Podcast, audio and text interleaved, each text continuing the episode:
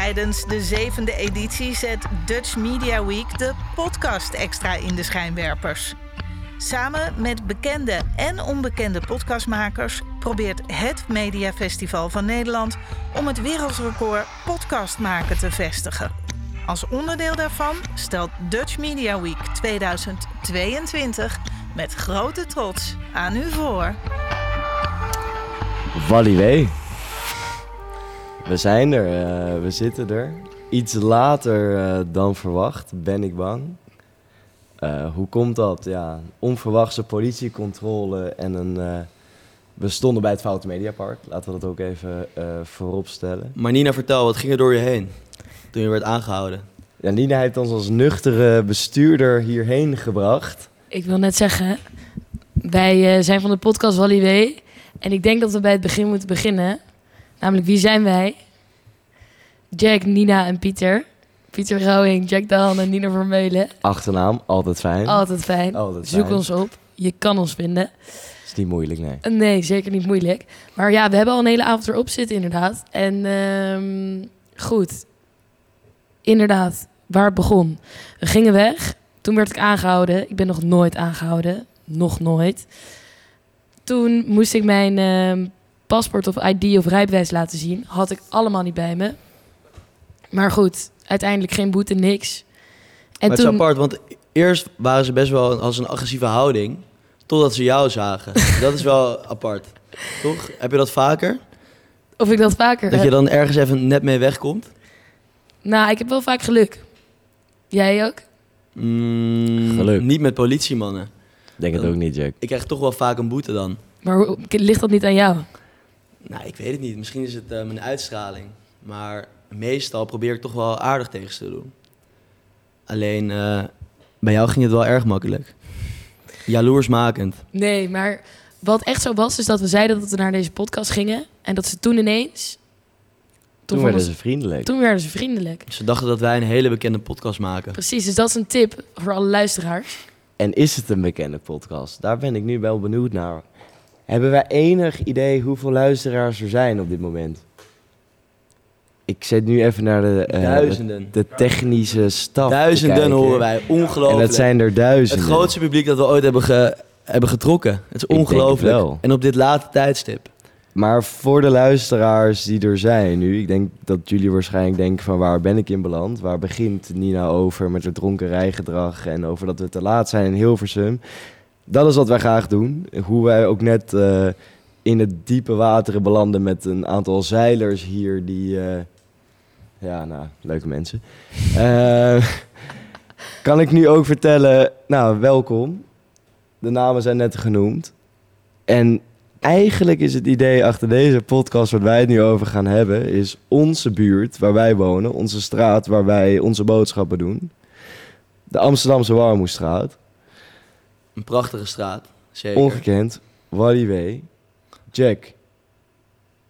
Wat was jouw eerste ervaring vanochtend in deze straat? Dan moet ik even goed nadenken. Ik werd om eh, half twaalf eh, vanochtend wakker. Ehm, en mijn eerste ervaring in de straat... Ik, moet, ik kan me eigenlijk deze dag helemaal niet meer zo goed herinneren. Als ik nu zo nadenk. Het is allemaal in een flits voorbij gegaan. Moet ik eerlijk zeggen. Hoe kwam Maar- het? Oh, ik werd Zwak wakker. antwoord. Ik weet, al, ik weet het al. Ik werd wakker van Nina, die in mijn woonkamer stond te gniffelen eh, dat de meubels allemaal waren verplaatst. Meubels? Welke meubels? Ehm, onze bank was verplaatst. Onze bank was verwisseld met de tafel. En er stonden allemaal nieuwe meubels, nieuwe attributen in de woonkamer. En daar hoorde ik allemaal rumoer, rumoer over. Dus dat was best wel eh, spannend. En toen werd ik wakker. Heel vervelend. Even voor de eh, luisteraars thuis, eh, die denken welke meubels, waar dan ook. Wij wonen in een oud hoerenhuis gelegen op de Warmoestraat. Nou, een hoerenhuis. We weten niet zeker of het een hoerenhuis is. Nou. Maar we hebben onze vermoedens.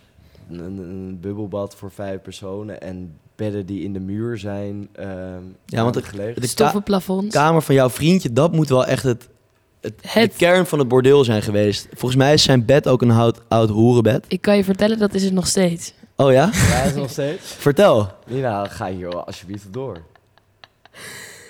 Nee, ja, wat willen jullie weten? Nou ja, kijk, ik, ik weet niet of jij... Ik ben zelf nog nooit naar een... eh, ik heb nooit van de diensten van een prostituee gebruik gemaakt. Nog niet. Nog niet, maar dat, wat niet is, kan nog komen.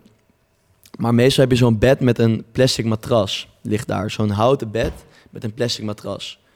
En het kamer, de kamer van jouw vriendje heeft net zo'n bed, maar met een normaal matras. Maar toen wij erin kwamen, lag er wel zo'n plastic matras. Dat wist ik nog niet. Dat is wel benoemenswaardig. Heel interessant. Maar Jack... eh, Maar er hebben heel veel bijzondere dingen plaatsgevonden. oh Ja, net zoals gisteravond was er dus ook iets bijzonders plaatsgevonden. Want wat hadden jullie gedaan? Misschien is dat wel leuk om te vertellen. Nou, laten we, laten we laten we bij het begin beginnen. Waar begonnen we vannacht? We hadden de Gisteren nog. verjaardag van jou een vriendje, waar jij niet aanwezig was. Maar heel eventjes. Heel eventjes. Een korte aanwezigheid. dat je er was. En toen liepen wij eh, terug vanaf het Rembrandtplein eh, naar ons huis, de Warmoestraat. Toen liepen we langs de Toko. Voor de luisteraars thuis, de Toko is de sociëteit van de, het Amsterdamse eh, studentenkoor. Ik denk dat we heel veel luisteraars eh, hebben Ik denk het verloren. wel. maar ja, In de afgelopen daar liepen 10 we seconden. langs, hebben we daar nog even een kleine... En toen hadden we wat attributen meegenomen van daarvoor uit thuis. En toen kwam Jack met het geniale idee om de woonkamer thuis eh, even om te gooien. Erg gezellig, leuk. Zeker, maar ja, soms heb je verandering nodig. Want eh, ik, ik had het gevoel dat we een beetje waren vastgeroest in het chakra van de woonkamer. of hoe heet dat? Feng Shui. Het was niet meer Feng Shui. Eh, de woonkamer is heel smal. En onze kat Jamila, die voelde zich er niet meer zo lang bij. En dat voel je een beetje omdat ze heel erg veel met jou de laatste tijd. Toen dachten we, nou, misschien moeten we de meubels omdraaien. En zo geschieden. Ehm, maar volgens mij was er nog wel iets anders waarom we het deden. Of niet, Pieter? Ik kan help me alsjeblieft herinneren, Jack. De stoelen. De stoelen. De stoelen. De stoelen, ja. We hadden een bepaald aantal stoelen meegenomen. Ik denk niet dat, eh, dat het een heel interessant spring van perspectief. Waar ik meer benieuwd naar ben, Jack, is dat je hebt verandering nodig in je leven. Nou zijn wij vandaag bij een waarzegster geweest. Klopt. Die zei eigenlijk precies het tegenovergesteld. Dat jij eerder stabiliteit nodig had in je leven dan verandering. Nou ja, wat de waarzegster vooral zei, is dat ik, meer, dat ik minder zo naar voren gebogen moet zitten. Maar meer rechtop moet zitten met mijn voeten op de grond. Ehm, omdat ik al, nou wat ze zei, je luistert al veel naar je gevoel. Maar je moet nog meer je gevoel naar boven laten komen. Ze zei, je kan en intuïtief nadenken en... Maar aan de andere kant denk je te veel na. Dus ze zei, je moet meer naar je gevoel luisteren. Ik weet niet of jullie dat ook herkennen bij mij. Nou, hoe herken je het bij jezelf? Ja, misschien wel, maar het probleem is dat die waarzegster zoveel zei... dat alles wel kan kloppen. Dat is een beetje het probleem. Natuurlijk is dat een probleem. Jij was erbij, jij hebt alles goed kunnen analyseren. Nou, ik was erbij. En ik kan ook zeggen, ik was in de eerste instantie zelf... Jack belde mij wakker vanochtend dat hij een afspraak had bij een dame die heel goed handen kon lezen. Dus zo begon je dag. Zo Op begon, de Warmoestraat. zo, zo begon Eigenlijk mijn begon dag. mijn dag zo, ja. Dus ja, Jouw ik vroeg het net aan Jack. En mijn idee was, hè, maar alles gaat natuurlijk anders altijd dan je bedenkt. Van, we gaan het rondje af, hè, hoe begint al je dagen? Nou, mijn dag begon inderdaad zo. Dat ik wakker werd met een eh, vrij hard hoofd. En dat ik wakker werd gebeld door de persoon jij- die tegenover mij van... Heb jij zin om zometeen ook naar je handen te laten lezen? Ik ben altijd best wel sceptisch in. Ik hou daar niet van. Ik vind het echt verschrikkelijk als mensen zeggen wat er in mijn toekomst gaat gebeuren. Want dan ga ik Waarom? heel erg naar, dan ga ik heel erg naartoe leven. Ik kan dat Maar heel- ben je wel eens naar een waarzegster geweest? Of een waarzegger? Nee, maar bijvoorbeeld, ik, ik, ik hou niet van horoscopen. Ik weet toevallig dat ik bijvoorbeeld een leeuw ben. En als ik iets lees over een leeuw op, in, op Instagram of TikTok, dan weet ik al, dat vind ik verschrikkelijk. Want dan ga ik daar totaal naartoe lo lopen naar handelen. leven. Oh ja? Vind ik verschrikkelijk. Dus nou, Jack belde mij vanochtend van, ga je mee je handen laten lezen? Ik zei, nee, vind ik verschrikkelijk. Vind ik doodeng. Vind ik doodeng. Maar ik wil wel heel graag mee om het bij jou te, Ja, zien, ja. bij jou te zien gebeuren. Nou, dus wij de zeedijk op. Jack liet zijn handen lezen. Ehm, Maar ik moet zeggen, ik vond het wel echt een bijzondere ervaring. Je denkt eerst, het is een beetje lacherig, handen lezen, dat klopt niet. Maar je gaat je toch wel echt herkennen in de dingen die die vrouw zei. Je gaat er wel over nadenken. Ehm, ja, en ik kan me ook wel voorstellen dat als je een beetje ergens mee zit, dat die vrouw je wel echt een beetje een goed gevoel kan geven. Want ze heeft geen één negatief ding over mij oh, gezegd. Want dat doet ze natuurlijk ook omdat ze anders geen klanten meer heeft. Daarna. Maar ze was wel gewoon een hele lieve vrouw. We kregen een kopje thee. We hebben er, ze is vandaag jarig. Cindy, gefeliciteerd met je verjaardag. Ze We hebben ging er, dansen ook. eh, ze, is van, ze is nu aan het dansen. We hebben er nog proberen te facetimen, maar ze nam niet op. Serieus waar. Ja, maar het is gewoon heel fijn. Je, zou, je denkt het is heel zweverig, maar zoals ze ons uitlegt, het is gewoon een echte wetenschap. Ze heeft een handboek eh, met op, elk, ehm, op elke mogelijke manier kan zij de handen analyseren. Eh, dus ze wist bijvoorbeeld, wat ik ook heel netjes vond, is ze zou zo alles hebben kunnen lullen. Maar ze zag iets op mijn pink, een, een pauwenoog. Eh, wat het precies is, dat, dat wist ik nog niet. Want zij heeft al wel drie jaar opleiding ervoor gehad. Dus ik kon het nog niet per se aan ons uitleggen. Ehm, maar toen ze het niet wist, toen heeft ze het hele handboek doorgespit om tot het juiste antwoord te komen. Dat geeft me toch wel een betrouwbaar gevoel. Dat betekent dat ze niet zomaar ergens mee bezig is. Nee, natuurlijk is ze sowieso niet zomaar ergens mee bezig. Ze gelooft er heilig in. Maar geloofde jij erin wat ze zei? Mm, nou, naarmate de sessie duur, eh, langer duurde, duurde wel drie kwartier of zo, kreeg ik er wel steeds meer geloof in. Omdat de dingen die ze zei wel echt klopten. Maar misschien kan ze dat ook wel weten aan de manier, aan, aan- aan degene die voor, voor haar zit, zeg maar. Maar wat betekent het pauwenoog? Ehm, Ja, ik denk dat wij niet opgeleid genoeg zijn. nee, ik weet het niet meer. Maar pauwenhoofd weet jij is. nog een beetje wat ze allemaal zei? Ik ben het allemaal weer een beetje vergeten. Nou, wat ik, wat, ik, wat ik leuk vond, is... Nou, Jack heeft het misschien ander ervaren dan ik. Ik, eh, ik zat natuurlijk van buitenaf. En ik, laat, ik, laat ik even vooropstellen dat ik zelf te bang was om mijn hand te laten lezen. Dus of ik hier een heel groot oordeel over mag trekken, weet ik zelf ook niet. Ehm, wat ik heel interessant vond, is dat ze eh, zei van... Oké, je hebt een lijn in je hand. Ik zie dat je introvert bent. En toen pakte ze Jack de rechterhand. En toen zei ze, oh, deze linkerlijn... Je bent heel extrovert Nee, maar het waarschijnlijk komt, met het bepaalde komt. De personen. rechterhand ga, is voor wat er in je gebeurt. En de linkerhand is naar buiten toe gericht. Dus ze zei van, Dus- je bent misschien van, je bent naar binnen toe introvert. En naar buiten toe extrovert. Dus naar binnen verlegen. En naar buiten dat niet. Her- herken je jezelf daarin? Mm, maar ja, wat betekent naar binnen toe verlegen zijn? Of misschien dat je verlegen bent en je, dat je er zelf overheen zet of zo.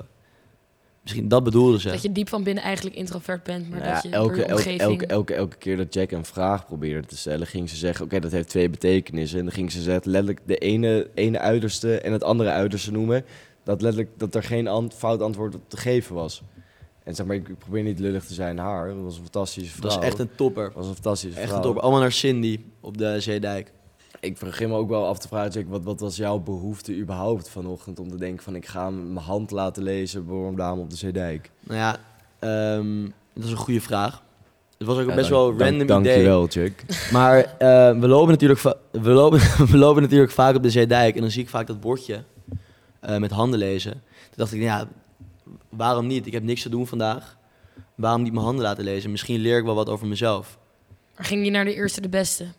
Dat eigenlijk wel. Dit, dit, is- nou, dit is de tweede plek waarvan ik weet in Amsterdam dat je je handen kan lezen.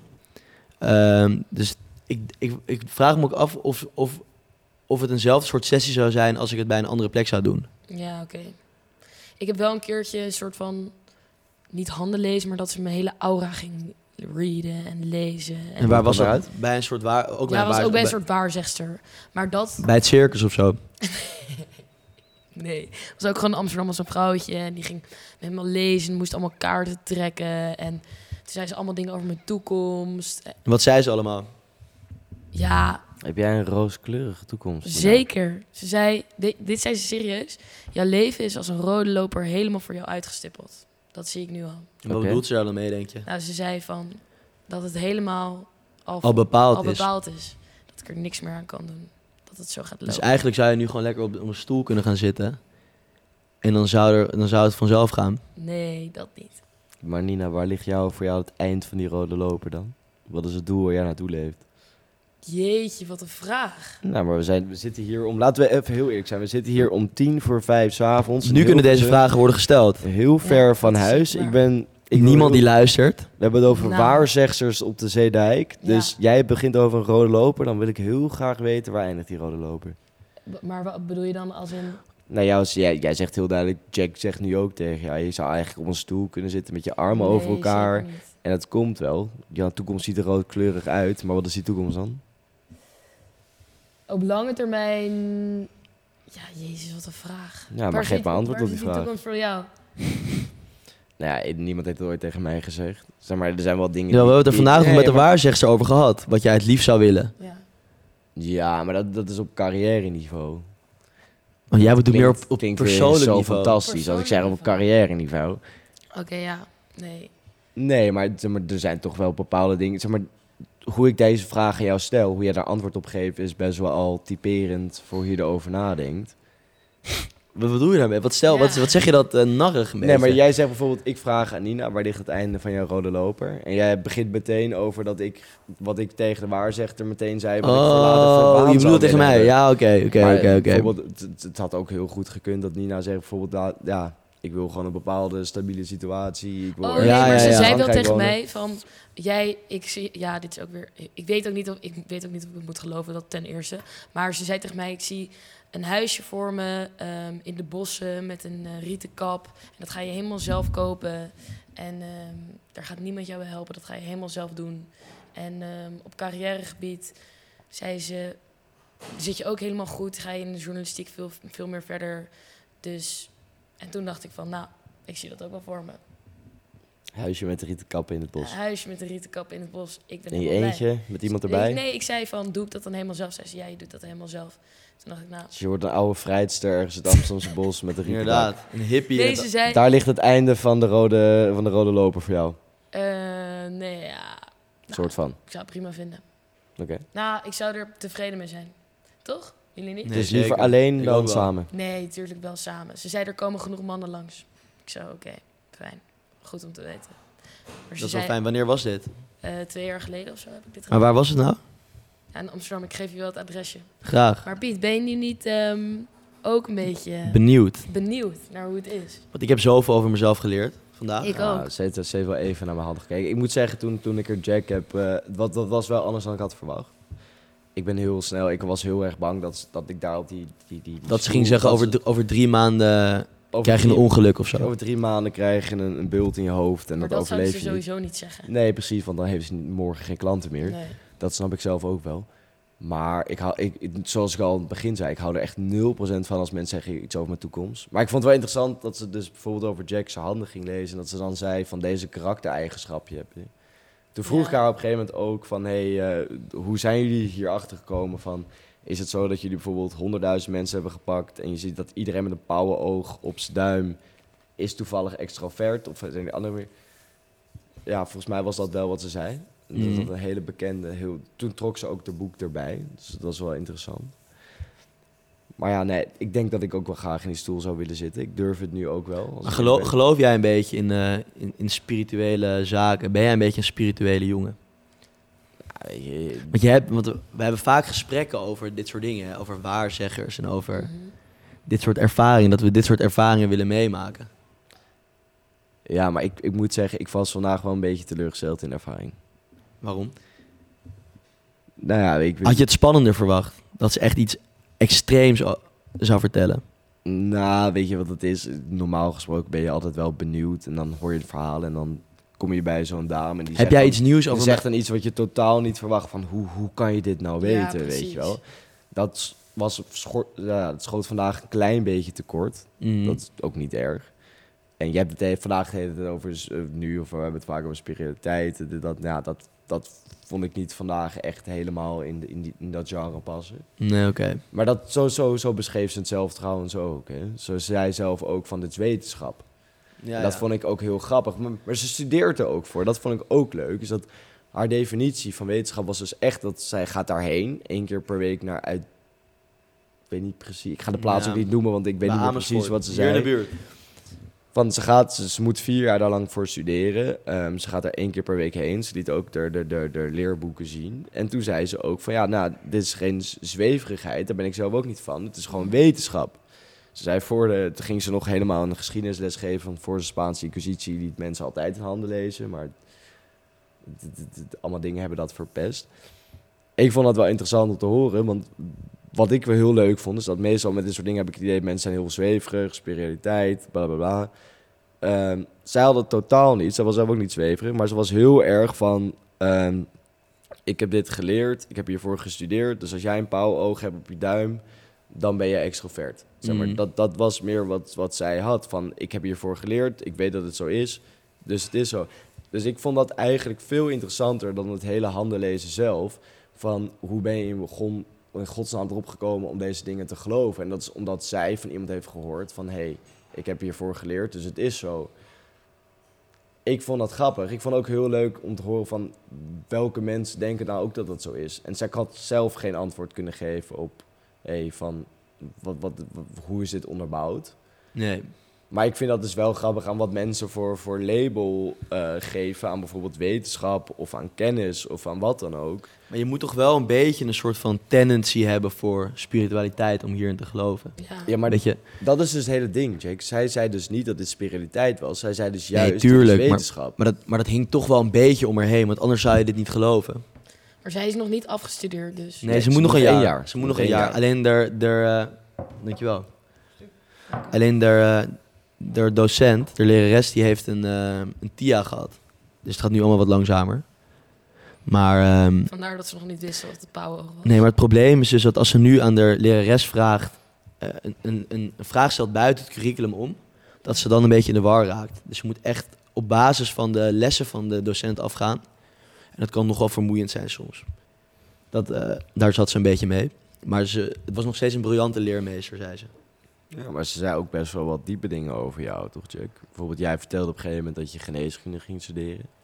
Je wilt graag psychiatrie gaan doen dan, toch? Nou ja, ik zei gewoon dat ik het nog niet echt wist. Ik vind dat dan wel grappig, van neem je dat niet een klein beetje persoonlijk dan? Want als zij praat over wetenschap, over dingen inhoudelijk over jouw karakter, waar jij dan op een hele andere manier in principe over. Nee, maar ik was het op zich eigenlijk wel. Maar oh, waar ik op, dat, ik denk van wat een bullshit of zo. Nee, maar ik, ik snap ook wel dat jij bijvoorbeeld voor degene uh, die Jack die tegenover mij heeft uh, uh, medicijnen gestudeerd, doet nu ook een master in filosofie. Maar ik, je wilt uiteindelijk, als je in de doorgaat met de medicijnen, wil je uiteindelijk psychiatrie. Zou, dat zou Denk je ik, maar ik zou het toch? eigenlijk nog niet weten, maar misschien wel. Maar oké, okay. vind je dan niet bijvoorbeeld, als je het over zo'n gesprek hebt, dat dan zo iemand tegen jou zegt van, hey, ik zie karaktereigenschappen op de manier wat de vorm is van je duim. Mm. Um, vind je dat niet irritant om te horen als jij letterlijk studeert, allemaal dingen moet doen? Nee.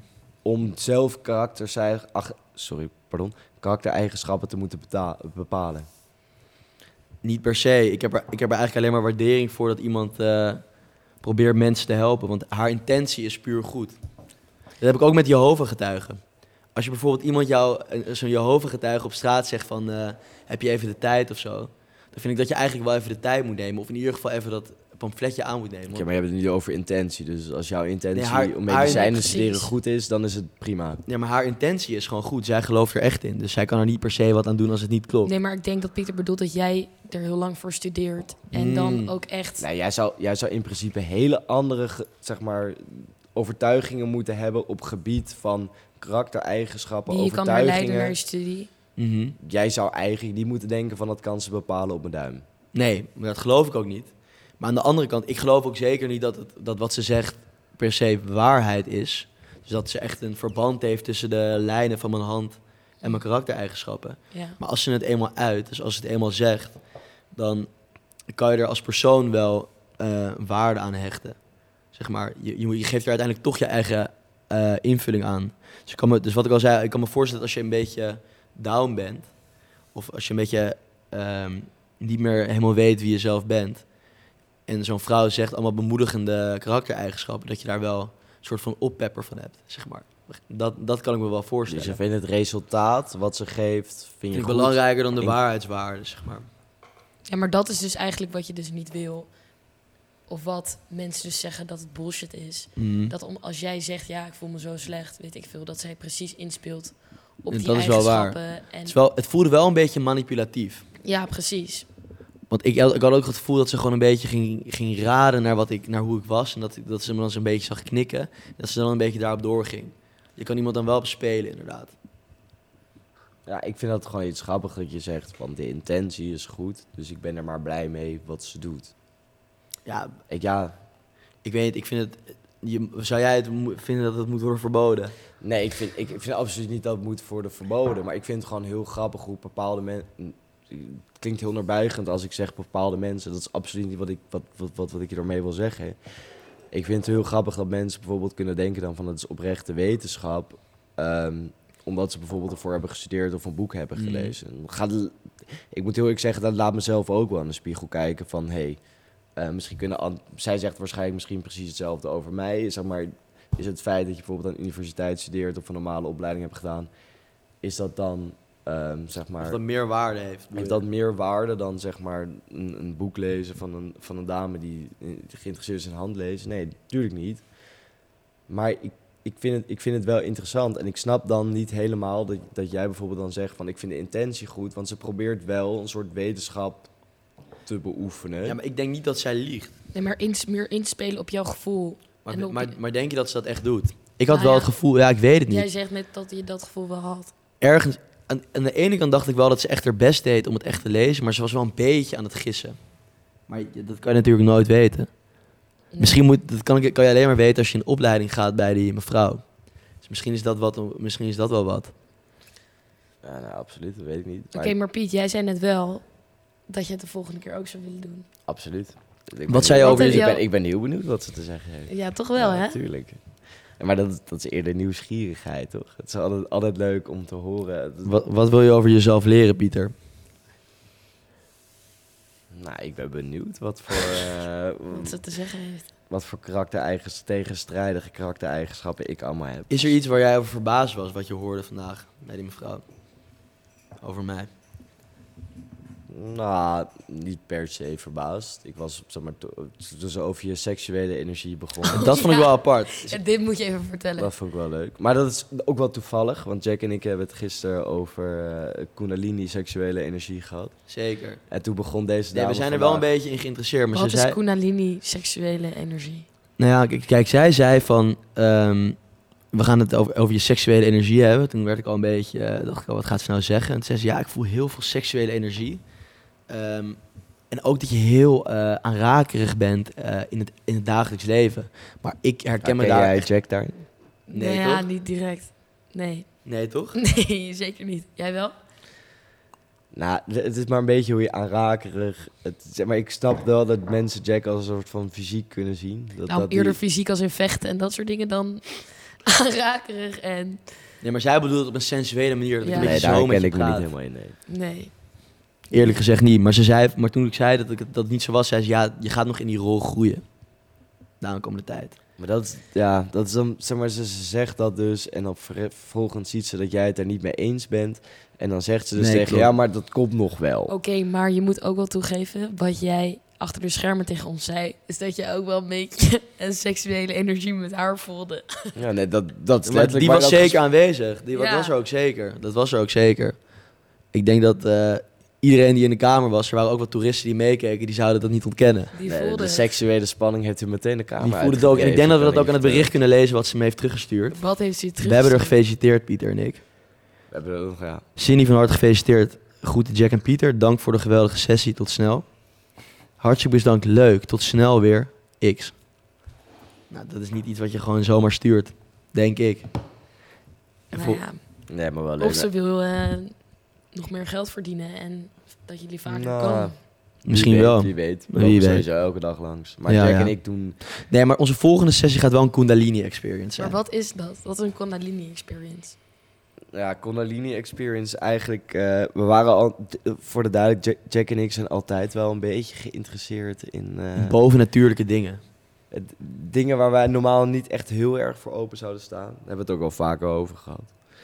Maar eh, de Kundalini Experience kwam, eh, denk ik, een paar maanden geleden om ons pad door een oude vriendin eh, van mij. Die, die uit het niets terugkwam uit Ibiza, volledig overtuigd van de energiestromen in het leven. En die een heel interessant filmpje post op Instagram, waar Jack en ik heel erg van onder de indruk waren. Dat samen met het feit dat een, eh, eigenlijk een goede vriend van Jack en een, een, een kennis van mij ook heel erg geïnteresseerd was in de, in de yoga. Ja, die ken jij ook natuurlijk. Jelson Oh, Victor. ja. Zeker. Die heeft onze, onze interesse in de, in de yoga-kunst wel een beetje aangewakkerd. We hebben een yoga-sessie bij hem gedaan. Ja. ehm, met al onze huisgenoten. En het was wel een bijzondere ervaring. Ehm, we hebben anderhalf uur of twee uur yoga gedaan. Waarvan het laatste uur we in een soort gewaad hebben gelegen. Alsof we dood waren. Met wierook. Het was een hele spirituele ervaring. Een beetje echt een, eh, een mystic experience. Zo kan je het doen, ja. Zo kan je het noemen. Ehm, het was ook heel bijzonder. Het was, eh, bij de, hij had een studio gehuurd op de, zee- op de Warmoestraat. Maar het was mooi weer. Ze hadden de ramen open. En toen alles, alles, ehm, het werd steeds heftiger, de yoga, het werd zwaarder. Tot het moment dat we mochten liggen met een soort koeiendeken over ons heen. En alles leidde eigenlijk tot dat moment, echt een soort extatisch moment, waarbij die hele mooie Tibetaanse muziek opzette. En op een gegeven moment lagen we daar, en ik viel bijna in slaap, en toen hoorden we Andrea Hazes, kleine jongen, een soort van er doorheen gemixt. Dat is natuurlijk fucking raar, want je denkt, hè? Hoe, misschien dachten wij, dit is echt niet normaal, wat een goede yoga-leraar. Maar toen bleek het gewoon een auto te zijn die langskwam. Het was wel een En hele, het was wel een hele bijzondere ervaring. Toen dacht ik wel van, ja, ik ben hier wel echt thuis in Amsterdam. Ik weet dat dit mijn plek is. Maar, maar, dat, maar dat terzijde. We hadden het over de Kundalini Experience. Nou, ja, af en toe dwalen we een beetje af. Dat Nee, kan dat ook. is Jack Jack was estatisch over het feit dat Nou, ik vond het gewoon heel bijzonder dat je dan Andrea Hazes hoort in je yoga sessie. Dat je is er wel dan echt zo jouw blij mee bent. perfecte- Ik denk dat was, was mijn ultieme blijdschap die ik ooit heb meegemaakt. Maar jullie zetten wel steeds meer stappen richting het spirituele pad. Vind jij dat wij spiritueel zijn? pad. Nou ja, voor jongens, ik denk niet dat er heel veel jongens zijn van jullie leeftijd die aan yoga doen, handen laten lezen. Maar wij doen niet echt En veel daarvoor- yoga. Nee, oké, af en toe. Maar, wat is jullie volgende stap? Mm, Ik denk, ik denk dat, dat, dat, dat dat wel een beetje leuk is, dat we dat zelf ook niet weten natuurlijk. Ik denk, het is gewoon leuk om dingen te doen die je normaal we nemen niet zou echt doen. stappen, zeg maar, alsof, het, zeg maar, alsof we een ladder opgaan, Alsof snap een je? lange termijn. Nee, Als, maar meer zeg maar, van, alsof we denken van, dit willen we hierna doen, als je dit er nu over doen. nadenkt van... Ik zou wel zo'n Kundalini eh, experience willen doen. Ik zou ook wel dat willen doen. Want ik vind het zo ongelooflijk. Er is een, zij heeft dan een filmpje dat zij een soort van met, met haar handen zo en dat op die vrouw gaat. Oh, dit, oh, dit En dat die vrouw dan helemaal zo gaat bewegen. Ja, Maar Als een soort slang gaat bewegen. Ja. Ik vind dus, zeg maar, dat de, de, de, de yoga, de dingen vind ik eigenlijk minder fascinerend aan het feit dat ik, ik, ik ken haar een beetje. Hetzelfde als ik bijvoorbeeld dat, dat die dame op de Zeedijk waar we het net over had. Dat ze, het kan toch niet dat ze helemaal denken van, ik zuig het allemaal uit mijn duim. Zeg maar, ik, ik, ik denk, Nee, die energiestromen, het feit dat ik, dat ik een pauw oog heb, Jan, ik, ik zuig het allemaal uit mijn duim. Ze geloven hier zo heilig in. Die vrouw die daar ligt Dat- te spartelen, dat moet toch echt zijn? Het kan Ja. toch niet dat zij dan niet denkt dat het echt gebeurt? daarom moet je het eigenlijk gewoon een keertje doen. Om... ja, maar dat, dat is dus waar Het probleem is, waar ik dan bang voor ben, als het dan niet lukt, dat ze zegt, die staat er niet open voor.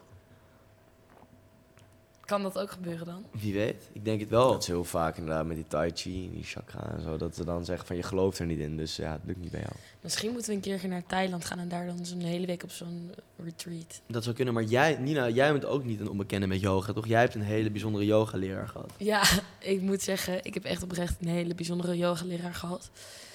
Ehm, hij heet Andreas. Hij gaf Ja. me altijd eh les Spreek je hem nog wel eens? Ja, ik kom hem best wel vaak tegen. Gaat hij me altijd keuren. Dan zegt hij altijd, ga het even tegenover me staan. Mm. En dan moet ik een rondje draaien en dan gaat hij zeggen ehm, of het er nog allemaal goed uitziet of niet. Oh ja. Wat er goed uitziet. Maar wat voor man is het? Nee, is, het, is hij een jonge zo. man? Nee, het is een eh, eh, homo-man in eh, Amsterdam. Oké. Leraar. Oké, maar als hij een goede leraar was, hij, was gaf hij, Hij jou... was wel een goede leraar, omdat Maar hij sloeg je toch ook? ja, hij sloeg me altijd met een soort van stok. Ik weet Waarom? niet waar dit zei gesprek heen gaat. Ja, nee, dat is serieus heel Oh. raar. Want dan zei hij tegen mij van, eh, ja, dat, was, dat was wel een beetje raar. Dan zei hij altijd tegen mij, je moet rechterop staan. En dan sloeg hij me met zijn stok. Maar sloeg je echt hard? Niet hard, maar gewoon een gewoon corrigerende tik. Zei hij, ja, hier word je beter van. En ik dacht wel altijd van, wat, wat de fuck is dit? Maar aan de andere kant vond ik het dus ook wel weer goed dat iemand je aansprak op de dingen die je niet goed deed. Corri- Uiteindelijk, het corrigerende. dat corrigeren, want uiteindelijk zijn er niet heel veel mensen die dat tegen je zeggen. Had je daar dan behoefte aan? Ja. Hoe oud was je toen je dit deed? 19 of zo? Ja, ik was best wel jong. Maar je leert dus eerder bij straffen dan bij als iemand je zeg maar een beloning geeft voor iets. Dat is wat je hiermee wil zeggen. Of begrijp ik het helemaal verkeerd? Nou, maar dat was meer fysiek. Ik trek het eh, wat breder natuurlijk. Ja, maar- je trekt het inderdaad. Nee, maar het was meer van... Ik vond het gewoon wel prettig dat hij mij... Nou, niet dat hij me sloeg natuurlijk. Dat is een beetje weird. Maar... Kan, weet ik wel. Nee. Nee, maar ik vond het gewoon wel goed dat hij mij... ehm, dat hij het gewoon tegen mij zei van... Je moet rechterop staan. Of als je Mhm. dit verandert... Als je zo staat, dan... ehm, uiteindelijk ga je er veel beter door... Had je privéles van lopen. Nee, ik had wel een groepje. En ja, ik vond het... Dat was echt de beste Hoe- periode beleefd, serieus. Waarom dan? Hoe lang heb je dat fysiek, gedaan? gewoon omdat hij mij zo trainde daarop. Was hij zelf ook fit? Nee, hij was dus zelf heel dik. Dat Wat was raar. Maar kon hij zelf hij wel goed yoga? Ja, nou, hij kon wel een split, dus op zich was dat wel knap. Kan jij een split? Nou, ik kon de- destijds wel een split. Maar ik denk... Maar voelde je je geestelijk ook heel goed toen? Ja, Ja? want ehm, ik denk wel dat het gewoon heel belangrijk is en goed is... als je gewoon af en toe een momentje rust neemt. Al helemaal omdat we zo in zo'n drukke stad wonen. Zijn jullie het daar niet mee eens? Ja, Mhm. een momentje rust, absoluut. Maar het is maar... Ja, iedereen ervaart rust natuurlijk op zijn eigen manier. Ja, maar ook überhaupt met fysieke Nee, ben ik er wel mee eens. beweging. Nee, zeker. Maar ik, het, is- het is ehm, inderdaad zeker op de Warmoestraat is het soms wel eh, fijn om een beetje rust te hebben. Ja, Nou, sowieso, Jack en ik zijn allebei geboren getogen in Amsterdam. Dus wij, ik, weet, ik, ik Jij- hou eigenlijk wel een beetje van die drukte. Jij komt uit een iets rustiger eh, Ja, klopt. gedeelte, toch? dat is waar ik kom meer uit Hilversum. Tenminste, in de buurt van Hilversum, bij Blaricum. Ja, het is veel rustiger dan Amsterdam. En Nien, als, als jij bijvoorbeeld dan, dan, dan... Ik weet niet of je een hond had. Maar als je s'avonds buiten kwam, zeg maar na tien... Was het dan stil op straat? Was er niemand om je heen? Bijna niemand. Ik kon ook nooit Maar vind je het fijn om alleen te zijn? Dan? op straat bedoel je? Ja? Vind je het Nee, fijn? ik vond dat doodeng. Maar gewoon een Maar dat moment is- om alleen Bij ons zijn. zaten er ook altijd van die gekke mensen in de bosjes en zo. In, Wat deden die dan? weet ik veel, van je fiets aftrekken en zo.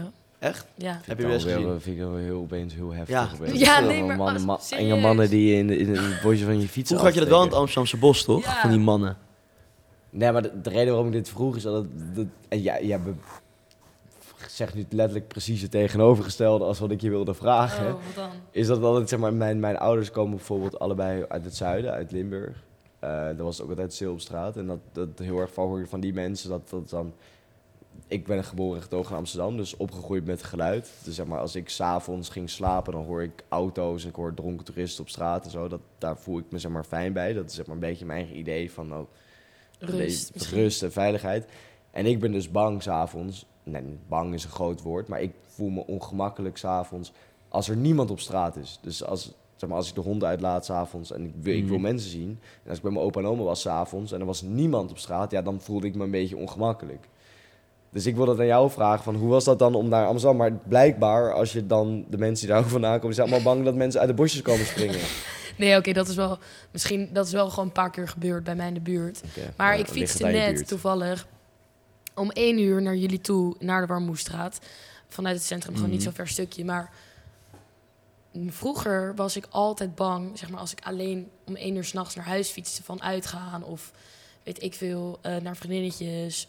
Ehm, ik was altijd bang, alleen op straat, omdat er gewoon niemand was. Ik moest altijd door bossen fietsen of langs eh, drukke wegen. En ik vond dat altijd heel erg eng. Maar nu betrapte ik me er toevallig op dat ik naar jullie fietste en dat ik er geen moment over nadacht van, oh, misschien voel ik me onveilig. Mhm. Omdat er zoveel mensen Omdat er juist zoveel mensen op straat waren. Alleen ja, aan de Warmoestraat is het. Ja, maar ik denk dat het wel, veilig. het is wel veiliger op de Warmoestraat als er veel mensen... Een veiliger gevoel als er veel mensen zijn. Dan, Ja. Want ik weet, in coronatijd toen er heel weinig mensen liepen... toen was het wel echt niet fijn om er te lopen. Op de Wallen. Maar dat is dan zeg maar één individuele straat natuurlijk in Amsterdam. Heb je Ja. sowieso... Ik ben, we zijn, ik ben oprecht nieuwsgierig naar, zeg maar, als je dan naar Amsterdam verhuist. Of naar, dan laten we zeg maar een stad, terwijl je uit zeg maar, Een dorp komt. een dorp komt. Als we het een dorp mogen noemen. Is dat zeg maar, gewoon, zeg maar is iets van onveiligheid geweest? Of dat je denkt van, het is anders hier? Of, Nou ja, een beetje wat ik zei van. In een stad is er gewoon zoveel meer drukte. En dat geeft je eigenlijk veel meer veiligheid. Want ja, overal zijn mensen, auto's. En in een dorp is er eigenlijk helemaal niemand.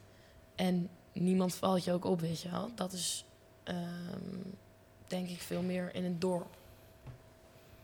En ze weten ook precies, er wordt veel meer op je gelet. En in de stad zijn er gewoon veel meer mensen. Dus ja, ik denk echt dat eh, sowieso in de binnenstad het echt heel veilig is juist. Maar dus eigenlijk gaat het niet echt op. Want ze zeggen altijd, in een dorp kan je heel veilig opgroeien.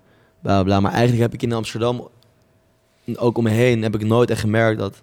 Dan hebben we het natuurlijk over vrouwen. Vrouwen zich heel erg eh, onveilig hebben gevoeld. Op straat, zeg maar.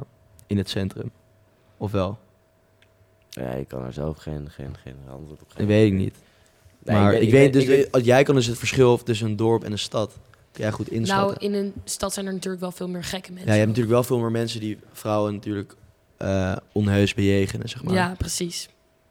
En in een dorp heb je misschien één dorpsgek en daar bleef het bij, weet je wel. Dus dat is misschien wel weer beter in dat opzicht. Dat Ja. kan je goed inschatten. Ja, misschien iets beter.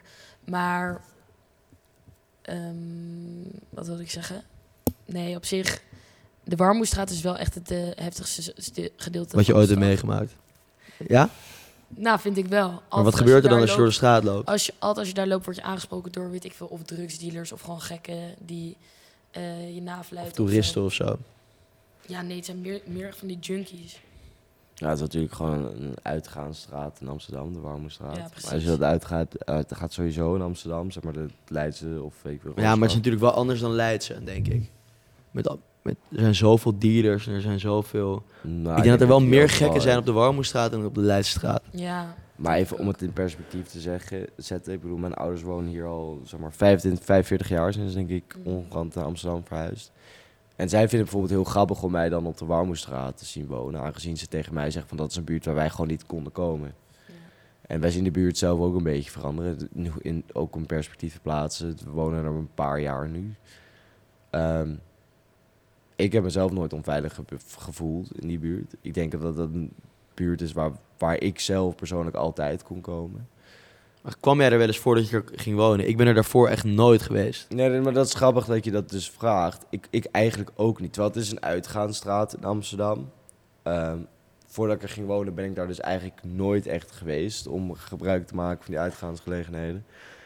Ehm, maar het was wel een buurt waar je altijd gewoon rustig doorheen kon fietsen. Je kon doorheen lopen, want het ligt natuurlijk redelijk centraal Mhm. bij de Dam, eh, richting Centraal Station. Dat niet.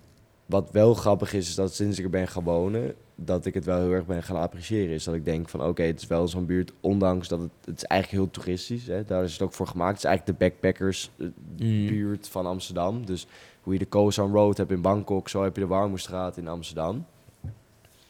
Ehm, ik weet dan niet of zeg maar, het mij op is gaan vallen sinds ik er ben gaan wonen. Dat ik denk dat ik heel erg op ben gaan letten. Maar ik heb wel het idee dat het meer terug wordt genomen. En dat is natuurlijk ook een beetje Amsterdams beleid op dit moment. Dat, dat die buurten die zijn ingenomen om puur in te zetten op toerisme met al hun nat- Nutella-shops en eh, toeristenwinkels, dat we die een beetje terug zijn gaan nemen. Ehm, ik denk dat er wel veel gebeurt in die, in, in, die buurten. Zoals je de pijp had eh, t- 30 jaar geleden, zoals je de Jordaan had 60 jaar geleden. Dat, dat, dat, we hebben de buurt natuurlijk teruggenomen van de criminaliteit. En sindsdien is het een toeristenbuurt geweest. Ik bedoel, het is al der- 100 jaar lang de Rossenbuurt geweest. En nu gaan we het weer terugnemen om het een woonbare buurt te maken, zeg maar, waar Amsterdam Maar denk je dat de wonen. criminaliteit al echt weg is? Nou, ik denk dat de criminaliteit weg is in die, in die buurt in Amsterdam. In hoeverre voor buitenstaanders dat je daar altijd gewoon lekker rond kan lopen. Ik denk dat sowieso trouwens in Amsterdam, en dat, dat is dus de, de, een van de redenen waarom ik zo erg van die stad hou, is dat er geen enkele buurt is of plek is waar ik s'avonds niet, niet, niet, niet over straat zou durven. Maar hoe zie jij het veranderen dan in de afgelopen paar jaar dat je er nu ook woont? Nou, wat ik, wat ik grappig vind bijvoorbeeld, is dat het, wat, het heel, wat leuk was, is dat je had alleen maar, wat ik dus zeg, ik ben nog nooit, dit is een uitgaansstraat in Amsterdam, maar ik ben er zelf nog nooit uit geweest. Ehm, er zijn genoeg restaurants, eetgelegenheden, ik ben daar zelf nog nooit geweest. En wat je nu heel erg merkt, is dat sinds bijvoorbeeld de- gemeente heeft gezegd van, Mm. die toeristische gelegenheden, daar doen we het niet meer voor. Dus wat we gaan doen is het teruggeven. En je ziet heel veel Amsterdamse, ja, van, van, van eetgelegenheden tot ontwerpers, gaan zich vestigen in die straat. Er komt een hele leuke nieuwe club tegenover ons. Dus een nieuwe Amsterdamse modeontwerper is links van ons begonnen. Ik merk eindelijk dat vrienden en vriendinnen van mij uit Amsterdam ook uit eten gaan en drankjes gaan doen Mm. in de Warmoestraat. En zo wordt het zeg maar, zeg maar een beetje teruggegeven. En dat is leuk, want dat moet natuurlijk een combinatie zijn. Zeker. Maar wat vind jij dan van de plannen bijvoorbeeld van, eh, van de gemeente om eh, misschien de hele Rossenbuurt te verplaatsen naar een eh, plek een beetje aan de rand van Amsterdam? Vind jij dat die, dat die ramen echt bij de, bij de wallen horen? Dat, dat, die, dat die het karakter van de wallen vormen? Of zouden we ook zonder kunnen? Nou, ik Moet denk weg? sowieso. Ik denk, ik denk sowieso dat er geen buurt is, waar dan ook, of het Amsterdam is of een andere stad of een van de hele stad, dat zeg maar dat, dat, dat, dat hoe het vroeger was, dat dat de buurt moet vormen. Dat het moet blijven. dat dat moet blijven. Ik vind Ja. dat een heel erg beroep op traditie, waar ik niet heel erg per se fan van ben. Het is natuurlijk al een paar honderd, sinds het begin der tijden is- zijn die buurten al zo. Mhm. Ehm, Maar je hebt natuurlijk mensen zoals De- eh, onze Ja, de discussie is natuurlijk van, van je wilt die buurten leefbaar houden. Dat is altijd het Amsterdamse beleid geweest. Van we willen zorgen dat de mensen die daar wonen, daar kunnen blijven wonen en dat die buurten leefbaar zijn. Ehm, en wat je hebt gezien in de voorgaande jaren is dat die ramen daar een heel erg dwarsboom in zijn. Is dat, dat, dat, dat, dat het een soort attractie is geworden ook, waar het vroeger ook... Maar was dat niet 40 jaar geleden ook zo? Nou, ik denk dat het toen meer een, een, een, een- zeg maar dat die beroepen die Meer voor Amsterdammers zelf, misschien. Nou, ik, ik nogmaals, ik was 40 jaar geleden was ik er natuurlijk zelf niet. Omdat ik was er niet bij om dat te doen. Maar ik denk wel dat het natuurlijk, het is een imago geworden van de stad en het is wel een beetje een attractie geworden. En ik denk dat dat de gemeente en dat de mensen die daarover gaan, dat, dat, dat ze dat niet, dat ze dat zeg maar dat een doorn in het oog is. Om, omdat ze denken dat het kan niet leven houden. En het is natuurlijk ook zo. Mensen vielen flauw in steegjes omdat het te druk was daar. Dus Mm. als je nu, je kan ook niet meer fietsen daar omdat er hekken staan, omdat ze gaan, ze gaan controlen hoeveel mensen er binnen kunnen Nee, komen en niet. Dus wat dat betreft is natuurlijk, het is een hele logische oplossing om te zeggen, oké, we verplaatsen al die raampjes naar een andere plek in de straat. Maar dan denk ik van, dan maak je er nog meer een toeristenattractie van, terwijl in de eerste instantie nooit zou moeten zijn. Hoe bedoel je? De Wallen maken nog meer toeristenattractie, bedoel je? Nee, je maakt het hele idee van de Amsterdamse en prostitutie, prostitutie maak je dan een soort attractie. Als je het verplaatst naar een andere plek. Ja, dan krijg je, dat is letterlijk een soort, soort pretpark krijg je dan met, met toegangsbewijs wilden ze volgens mij ook nog doen. Ja. Mm. Ja, dat, zeg maar, als er oplossingen zijn nodig, maar ik, ik weet niet of zeg maar, dat dit de juiste oplossing zou moeten zijn voor het huidige probleem wat je hebt. Want je denkt van ja, ik wil zorgen dat die buurt geen attractie maar is. Dus gaan we het maar buiten de stad zetten en dan wordt het wel een attractie. Ja, nou, daar ben ik niet per se fan Maar van. uiteindelijk, die toeristen blijven natuurlijk toch komen. Als je, ze, als je die ramen houdt, blijven ze toch komen. Je kan die toeristen niet wegkrijgen. Maar op dit moment is wel, omdat het in, de, in het centrum van de stad is, is het natuurlijk wel het veiligste. En in Oost, tenminste dat is de plek waar ze het willen doen waarschijnlijk, naar willen verplaatsen, In één groot gebouw. zou het één groot gebouw zijn. En je moet nog maar zien of de veiligheid dan gereguleerd Precies, kan dan worden. wordt het toch wat nog obscuurder. Precies. Ik denk dat, dat die veiligheid dat dat niet per se een heel groot issue is. Ik, wat, wat ik gewoon vervelend vind is dat, ze, dat het heel erg gepretendeerd wordt van we, we moeten zorgen dat het leefbaar blijft. En dat, dat we niet een soort Venetië worden, zeg maar. Dat Amsterdam niet... Maar dan denk ik van ja, wij mogen bijvoorbeeld in de buurt geen alcohol meer kopen na vijf uur, Mm. volgens mij. Ehm, ik mag niet meer mijn scooter door de straat rijden. Ik mag mijn fietsen ook niet in de straat Dus, dat- dus zetten. je vindt het eigenlijk al een soort pretpark. Nou, ik vind, vind heel erg van... Het zijn allemaal maatregelen om de buurt leefbaar te houden. Maar tegelijkertijd is het voor de mensen die daar daadwerkelijk wonen... is het alleen maar leefbaarheid afnemen. Snap je? Het zijn die kleine Precies. gemakjes Dus je die maakt je het eigenlijk willen. leefbaarder voor de toeristen die er een beetje komen zuipen, bedoel je? Nee, je maakt de buurt rustiger. En je, zeg maar, het zijn hele gemakkelijke oplossingen om, om, om te pretenderen... dat van, hé, hey, we zorgen dat, het, dat er minder overlast is. Maar aan de andere kant is het... In, in, je neemt indirect heel veel leefbaarheid eigenlijk af... aan de mensen die er daadwerkelijk wonen. Ja. Mm. Maar ja, er is natuurlijk geen goede oplossing. Hè? Laten Maar we uiteindelijk toch... Ik wil net zeggen, wat zou je een, een goede stap naar voren vinden, vooruit? Nou, ik Wat de vind, buurt nu kan doen. nou, weet je, ik, ik, ik vond die goede stap vond ik wel. Bijvoorbeeld die toeristenwinkels daar hebben we er volgens mij wel genoeg van. Ja, vind ik ook wel echt Ik een goede het- stap. Ik vind, ik vind het natuurlijk wel lastig om te zeggen, hey, wanneer is iets een toeristenwinkel of niet. Maar ik vond dat wel een goede stap. Ik denk dat uiteindelijk is het natuurlijk ook een soort natuurlijk proces. Ehm, Amsterdam heeft genoeg eh, toeristen. Ik denk dat ze hebben een goede beslissing gemaakt. Bijvoorbeeld te zeggen dat er mogen geen hotels meer binnen de bebouwde, eh, binnen, binnen Mhm. de ring komen. Nou, dat is er gebeurd. En ik denk daarna is het ook wel een beetje een natuurlijk proces wat je moet laten lopen. En dat, Maar ik denk wel dat als je bijvoorbeeld in onze straat kijkt... Ik weet niet, er is nu net weer een bar geopend. Een soort... Een, een, der- een, een 13 in een dozijn bar. Een soort Engelse eh, pub waar alleen maar Engelse toeristen komen.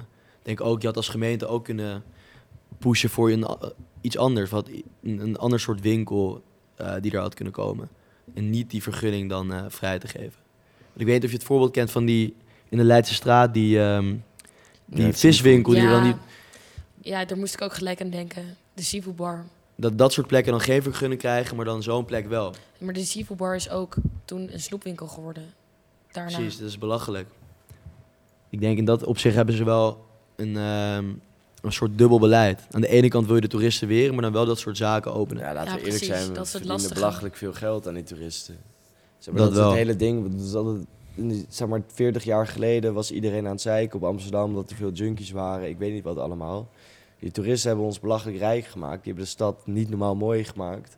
Ja, daar, daar betaal je een bepaalde hele nare prijs voor. En dan nu komen we uiteindelijk opeens voor een heel luxe probleem, voor een heel raar vraagstuk waar we eigenlijk in het verleden niet mee zijn geconfronteerd, is de vraag van, hé, hey, we hebben nu een soort van overtoerisme. We willen ook wel zorgen dat we niet een pretpark worden, we willen niet een openluchtmuseum zijn Mhm. we willen wel een leefbare stad blijven. Ja, dat, dat probleem hebben we nooit eerder gehad. Maar laten we niet vergeten dat het echt een ziek luxe probleem is eigenlijk. En dat die stad die we hebben, die schone, mooie, leefbare stad... dat die echt op een hele rare manier toch wel te danken is juist... aan al die toeristen die we hebben gehad al die jaren. Nee, ik snap zeker wat je bedoelt. Maar nu zijn ze dus wel ook eh, een stuk. Je kan het natuurlijk ook wel een stukje teruggeven aan de Amsterdammer. Want de Amsterdammer moet het uiteindelijk ook prettig vinden om er te blijven wonen. En Maar dat is maar op dit dat moment. doen ze nu ook wel een beetje. hè, maar dat is op dit moment wat heel veel mensen ook zeggen: dat het überhaupt niet meer mogelijk is om in Amsterdam te blijven wonen. Ja, dat, maar je hebt het nu bijvoorbeeld over dat, dat, dat, dat het te duur is voor om in Amsterdam te Ja. wonen. Ja, ik, snap, ik, snap, ik snap dat probleem ook wel. Want dan heb je het vooral over dus, dus de beroepen zoals eh, verpleegkundigen, eh, leraren, Mhm. brandweermannen, eh, politieagenten. En dat is ook waar. Want dat zijn letterlijk de mensen die de stad draaiende houden. Die zometeen niet meer... ehm, Die al niet meer in de stad meer- kunnen wonen. Niet meer in de stad kunnen wonen. Dat is ook een daadwerkelijk probleem. Ik denk dat Amsterdam dat ook wel met Maar sociale Misschien zou je wel moeten zeggen van we- we gaan al die mensen huisvesten op de wallen. Op, Ja. op, op, op dat soort plekken. Op, Achter de Misschien ramen. wel, hè? Nou, we, nou, we- weet ik niet. Maar daar, is heel, daar, daar zou je best wel wat woonruimte kunnen creëren, toch? Er zijn wel heel veel mooie Nee, plannen. ik vind het een mooie oplossing. Nee, absoluut. Nee, Denk denk ik. Voor iedereen, voor iedereen een kasteel, lijkt me dan toch? Nee, maar ik bedoel meer dat in, in die zin wordt er wel dan een soort dubbel beleid gevoerd, denk ik. Ja, maar weet je wat het is? Als je een beleid voert, is er altijd een dubbel beleid. Ja. Snap je wat ik bedoel? En dat is het hele ding. Het wordt natuurlijk ontzettend gezeken dat, dat, dat, Dat, dat, mensen geen plek meer krijgen in Amsterdam. Nou, we hebben natuurlijk een van de grootste percentages sociale Maar ik, huurwoningen hou er, ik mij hou er ook wel van, hoor. van elke stad. En, maar die middenstand is inderdaad, die, die wordt een beetje koud gelaten. Nou, dat is waar. Ehm, aan de andere kant is als je een stad, dus als je een succesvolle stad, nou, succesvol is misschien niet helemaal het goede woord. Maar als je een stad wil hebben die, die, die, ja, die, die goed draaiende houdt, die schoon is, ehm, waar veel banen zijn, nou, krijg je, dan is dit dus een, een, een logische stap waar we op terechtkomen. En dat heb, daar zijn we eerder nog niet mee geconfronteerd. Ja, dat is een hele interessante vraagstuk. Maar ik denk dan van ja, moeten we om terug te komen op dat toerisme. Het biedt ons zoveel meer ehm, mogelijkheden. Dus dan denk ik van ja, moeten we dan oplossingen bedenken om van toerisme af te komen, van die hoge huurprijzen af te komen? Of moeten we voor een creatieve oplossing bedenken waar we mee kunnen samenvoegen? Dat ik denk van ja, ik vind het jammer dat het, is altijd van het een of het andere. Ja, precies, de twee uitersten. Maar ik denk ook dat we heel erg ehm gepamperd zijn dat in de coronatijd natuurlijk, waar we net vandaan komen, dat er toen helemaal geen toeristen waren. En dat toen de stad ineens helemaal terug werd gegeven, zeg maar. Ehm, en dat dat de situatie ook niet per se heeft bevorderd met hoe het nu is. Ehm, nee, je bedoelt het contrast wat heel ja, groot is. precies. Ja, nee, precies. Ja, dat, dat zou heel goed kunnen. Maar ik denk dat mensen vroeger ook wel over toerisme klagen. Natuurlijk, dat is van alle tijden. Alleen nu is het wel in extreme mate. En ook inderdaad die winkels. Dat is zeker waar. En mensen hebben er misschien de laatste jaren ook wat meer, het, eh, ehm, meer een handje van gekregen om nog meer te zeiken dan eerst. Toch? Dat zie je nu in... Ik denk dat het nu ook makkelijker is. En waarom dan? Met social media en je kan iedereen bereiken, bellen, mailen. Nou, Nederlanders houden sowieso wel van Ja. een Je kan een Instagram-pagina, Facebook-pagina aanmaken en dan heb je, vooral als je gaat zeiken, heb je heel snel mensen die dat ook vinden. Mhm. Nee, dat is zeker waar. Ik denk dat we... Mensen zijn er heel wat eh chagrijniger op geworden in die zin, denk ik. Ja, ik denk dat heel veel mensen heel chagrijnig zijn geworden op Nederland. Maar ik ben eerlijk gezegd meer chagrijnig geworden op de Nederlander dan op Nederland zelf. Oh, kijk Pieter. Jeetje, leg dat eens uit. Wat een teksten. Nou ja, als ik een kop lees van eh, als je het zo zwaar hebt in Syrië, dan kan je ook prima hier buiten in de regen eh, slapen. Ja, daar word ik bijzonder chagrijnig van. Mm. Ja. En, en ondanks dat ik denk van ja, dat soort mensen zijn van alle tijden, denk ik ook wel van ja, dit is voor de eerste keer dat ik met dat, soort- dat, dat soort gedachtegoed word geconfronteerd. Dat je in Nederland geen mensen meer helpt, maar dat je eerder voor de bonus van de Jumbo kiest. Ja, ja, dus dat, dat mensen totaal niet meer solidair zijn met andere mensen. Maar dat, is, dat, zijn, dat zijn, zijn we eigenlijk nooit geweest, denk ik, toch? Wat dan? Nou ja, we hadden het er laatst over, over eh, Ter Apel. En toen, had, toen zei ik van ja, ik begrijp, ik begrijp die mensen op zich ook wel. Zij worden niet gehoord. Toen zei jij... Welk, wacht, welke Ja, mensen bedoel je precies? nou, ter. Apel toen, ehm, toen al die... ehm, Nee, nee, nee, maar meer welke mensen begrijp je? Ik, ik, ik zei ja, ik begrijp de mensen wel die daar gaan protesteren. Mensen die kritisch zijn naar de opvang ja. van, eh, van, van wat staan Mhm. vluchtelingen in. eh, in Maar toen was ik het er... Maar, maar wat jij toen zei, daar was ik het eigenlijk wel mee eens. Is dat je in het beginsel gewoon solidair moet zijn aan je medemens. Dat het gewoon een fatso- fatsoenskwestie is. Ja. Ehm, om die mensen tenminste op een humane manier op te vangen. En ehm, dat is misschien wat er nu eh, aan ontbreekt, maar dat, is, dat heeft er denk ik altijd aan ontbroken, denk ik. Alleen nu zien we het meer. Nou, Dus ik, het- denk, ik, ik, ik, ik, vind, ik vind het gewoon fascinerend hoe mensen niet le eh, zeg maar leren van, van, van, van een geschiedenis waarin dit soort tafereelen veel vaker zijn geweest. Mm. ja. ik vind het gewoon, ik vind, tuurlijk, zeg maar, je moet voor jezelf opkomen. En het is heel scheef als je af en toe koppen leest op Facebook van hé, hey, ze krijgt wel een baan en eh, mijn, mijn zoon zit hier met een uitkering. Ik vind het gewoon een, een zieke, onfatsoenlijke kwestie dat, dat, dat ze zeg maar, gaan praten over gelukzoekers.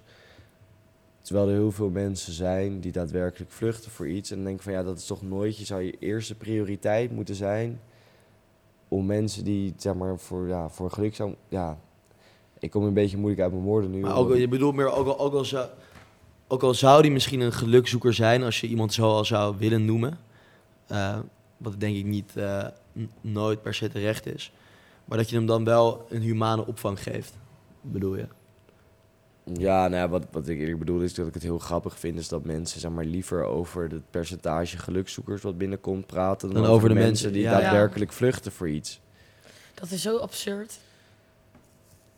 Ja, Nee. ik, ik vind, ja, ik vind, ik, ja, ik vind het ook wel fascinerend. Ik, die, zeg maar, ik neem mensen nooit se- onserieus. Zeg maar, van, van, ik denk van die mensen zijn oprecht bang gemaakt hè, voor iets. Dus zeg maar, dat moet je ook heel serieus nemen.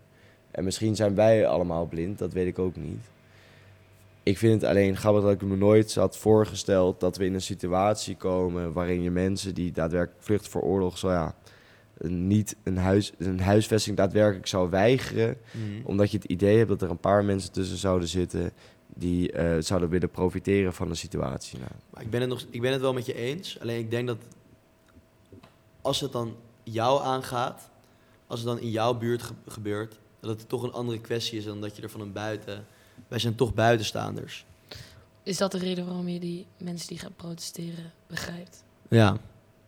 Ik denk dat er heel veel mensen in Nederland niet gehoord worden. Heel veel, voor heel veel mensen is de, is de overheid helemaal niet hun overheid. Want ze mogen misschien wel één keer per vier jaar stemmen, maar het is niet alsof zij invloed hebben op de politiek. Het is niet alsof hun eh, protesten echt worden gehoord. In die zin. Ehm, en het is helemaal niet dat ik het met hun eens ben, maar ik kan me wel het gevoel van dat ze niet worden gehoord, kan ik wel onmacht. begrijpen. Ja. En om heel veel opzichten.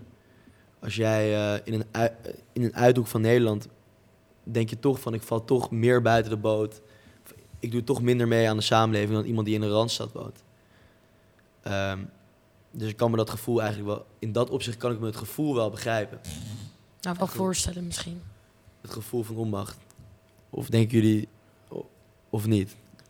nou ik, ik weet niet precies of, zeg maar, of ik het gevoel van onmacht kan begrijpen. Ik, ik snap niet waarom. Ja, wij zitten natuurlijk gewoon midden in, in de bruisende stad en met alle kansen die voor ons liggen. Ja, ik heb er eigenlijk eerlijk gezegd ook niet zo over nagedacht dat eh, mensen uit de randstad, omdat je er zo middenin zit, midden in die stad en met je omgeving, dat, dat je je als buitenstaander daarvan misschien minder gehoord voelt of minder het idee hebt dat je minder meedoet. Mm, nou, maar dat is, dat is best wel een populaire kwestie al. Om grappig te zijn over deze podcast te praten, die we, die we zeg maar voorstelden, Wally weet destijds, aan Mhm. bijvoorbeeld, eh, ik weet niet welke nieuwszenders we allemaal hebben voorgesteld. Die zeiden van ja, nee, er is genoeg aandacht voor, eh, voor de Randstad. Dus Ja. we gaan Precies. even over andere topics praten. Ja. Maar dat is volgens mij al best wel een lange tijd een actueel probleem. Ja, maar ik bedoel, toch? niet alleen per se, ik bedoel niet alleen per se de Randstad. Maar ik denk gewoon ehm, dat onze overheid er een hele lange tijd voor een bepaalde groep mensen is geweest. En dat... ehm, Maar is dat, is dat echt zo, Jack? Ik vind Ja, het is een hele, hele populair, heel populair Nee, ik- argument. ik om vind dat als jij- van, ik vind zij dat- zijn er niet voor ons. Nou, ik vind dat als jij. Ik vind dat. Je, wij hebben totaal geen invloed op de politiek. En wat ook je politieke kleur is. ehm, als onze minister-president al langer dan tien jaar aan de macht is. ehm, terwijl er zoveel ontevredenheid is in het land. denk ik dat, die, dat je dan op individueel niveau toch weinig invloed kan hebben. eh, op de politiek. En dat we in dat opzicht misschien niet zo democratisch zijn. Ik Ja, ja ik, snap, ik snap natuurlijk wat je bedoelt. Maar ik Want vind inderdaad, er, er, kan wel weer, er, er kunnen wel weer verkiezingen eh, zijn. Maar als de uitslag toch al vast ligt. Omdat jij als als de minderheid, uitslag toch al vast ligt. omdat jij als minderheid toch niet wordt gehoord. Ja. Ja, ik, dat eh, kan heel veel ontevredenheid eh opbrengen. Of is dit, is dit iets heel raars wat ik zeg? Ik vind het meer zo'n argument van waarom zou je dan überhaupt... ja, zeg waarom maar, zou je stemmen? Waarom zou je überhaupt best doen als je toch als individueel niet wordt gehoord? Ja, natuurlijk word je Ja. individueel nooit gehoord. Dat is toch het hele idee van, wat, eh, van waar we op bouwen. Nee, maar ik zeg ook niet dat er, dat er een ander systeem moet zijn. Maar daarom kan ik begrijpen waarom mensen zich niet gehoord Nee, ik snap Nee, zo- maar misschien is daarom ook de reden waarom mensen zich zo erg gaan uitspreken, zoals in Ter Apel over zo'n situatie. Omdat ze dan heel veel aandacht krijgen en omdat het heel extreem is. Precies, maar misschien moet eigenlijk iedereen gewoon aan de Kundalini. Ik denk het ook wel. Ik denk dat dat misschien wel heel, heel veel goed Laat die energie stromen. Dat denk ik serieus. Want ik denk ook dat als, als iedereen ehm, eh, hun handen zouden laten lezen, dat we een veel fijnere samenleving zouden zijn. Ik weet wel zeker. Ik weet het ook wel zeker. Ik denk dat als we bij ons thuis allemaal onze handen laten lezen, dat er ook veel minder ruzie zou zijn. Dat er veel Dat beter zou worden omgeruid, veel meer, minder Nou ja, ik vind dat wel een mooie, mooie afsluiting van deze aflevering. Ik kijk naar de klok. Het is eh, tien over half, eh, half zes. Ja, ik weet niet hoe lang we bezig waren. Holy shit. Het is ongelooflijk. En wat ging het snel. En wat was het het waard om hier helemaal naar Hilversum te komen? Ik weet zeker dat het waard was helemaal naar Hilversum te komen. Ongekend. We Ongekend. zijn nog uit geweest in Hilversum. Aangehouden. Aangehouden. We gaan zo meteen nog naar de McDonald's. De geluidstechnicus gaan we proberen nog een McRocket te brengen. Dank u, dank u, dank u. Ik weet niet of de. McDonald's zo vroeg al open is, maar we, We gaan, gaan het het in ieder geval proberen. En anders eh, een andere keer deze week. Ja, Wie weet komen we nog Zeker. hier langs. we willen graag nog een keer langskomen. Heel erg bedankt voor het luisteren. Als er iemand heeft geluisterd. Als iemand heeft geluisterd, Laat je handen lezen. laat je handen lezen en kom naar de Kundalini Experience. Absoluut. Op de warme nou, dit was Wally W. En eh, Tot de volgende keer. wie weet dat het op de warmoes gaat. Doei doei.